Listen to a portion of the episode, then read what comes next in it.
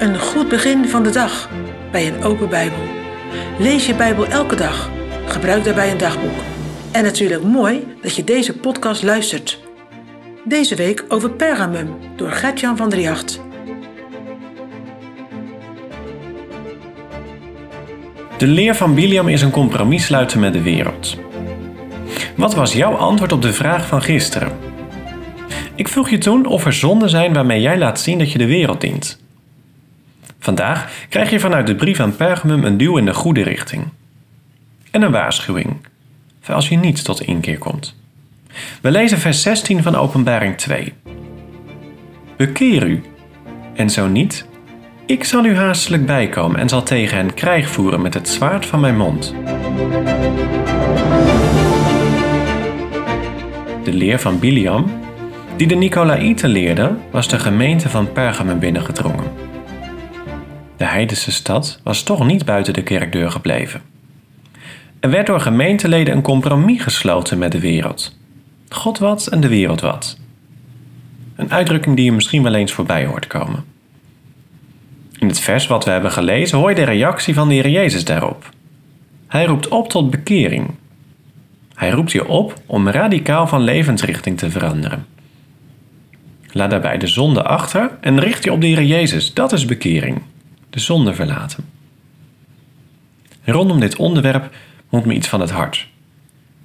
Bekering wordt vaak gezien als iets wat je gegeven moet worden.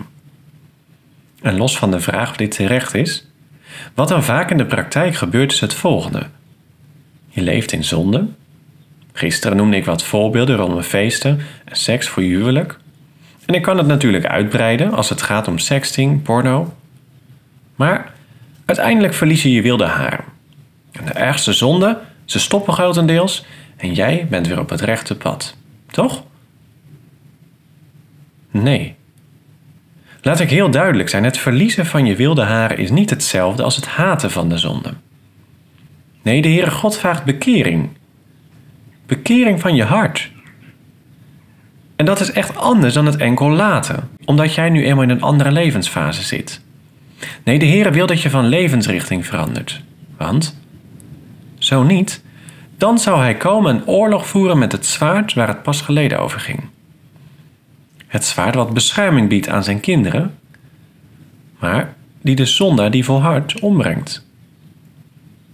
Misschien luistert u als ouder mee. Een keertje speciaal iets voor u. Denk niet makkelijk over jeugdzonde, als in het komt wel goed. Ja, zo ging het bij ons ook, ach.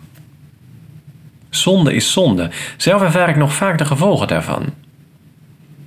Nonchalant omgaan met zonde past niet bij bekering. Onbeleden zonde van u en uw kinderen, die roepen Gods wraak op. Terug naar jou. Je bent een gezegende jongere als deze zonden jou voorbij gaan. Maar heb jij andere zonden die een compromis met de wereld laten zien? Voor die zonde geldt dan eigenlijk hetzelfde. Hoe subtiel ook. Nog even over bekering. Het moet je gegeven worden, toch? Ja, je hebt gelijk. Bekering en geloof is wat de Heilige Geest in je hart werkt. Maar is dat ook de manier waarop je kijkt naar jouw studie of je werk? Dat je afwacht totdat de Heer jou geeft wat je nodig hebt. Ja, want je hebt de Heer in alles nodig. Jij en ik, we kunnen niets doen zonder de Heer. Maar die wetenschap werkt niet verlammend, die spoort juist aan. Doe zijn wil. Ik vind deze aflevering best een heftige. Over sommige onderdelen twijfelde ik. Maar toch liet ik het staan. Weet je waarom? Omdat een leven in de zonde zo ontzettend somber is. En een leven in vrijheid zo enorm gelukkig. Nee, ik bedoel niet een vrij leven waarin je kunt doen wat je wilt en zo, zoals de Nicolaïten zeiden. Nee, vrij omdat je zonden vergeven zijn. Vrij omdat je weet, hij heeft de last gedragen. Het zwaard is nu tot bescherming. En graag wil ik je daarvan bewust maken. Hij roept je vandaag op tot bekering. Het maakt je zo gelukkig. Herken jij het leven in echte vrijheid omdat de Heer Jezus jouw zonde vergeven heeft? Dank Hem daar dan vandaag voor en bid voor jongeren die vastzitten in hun zondige leven.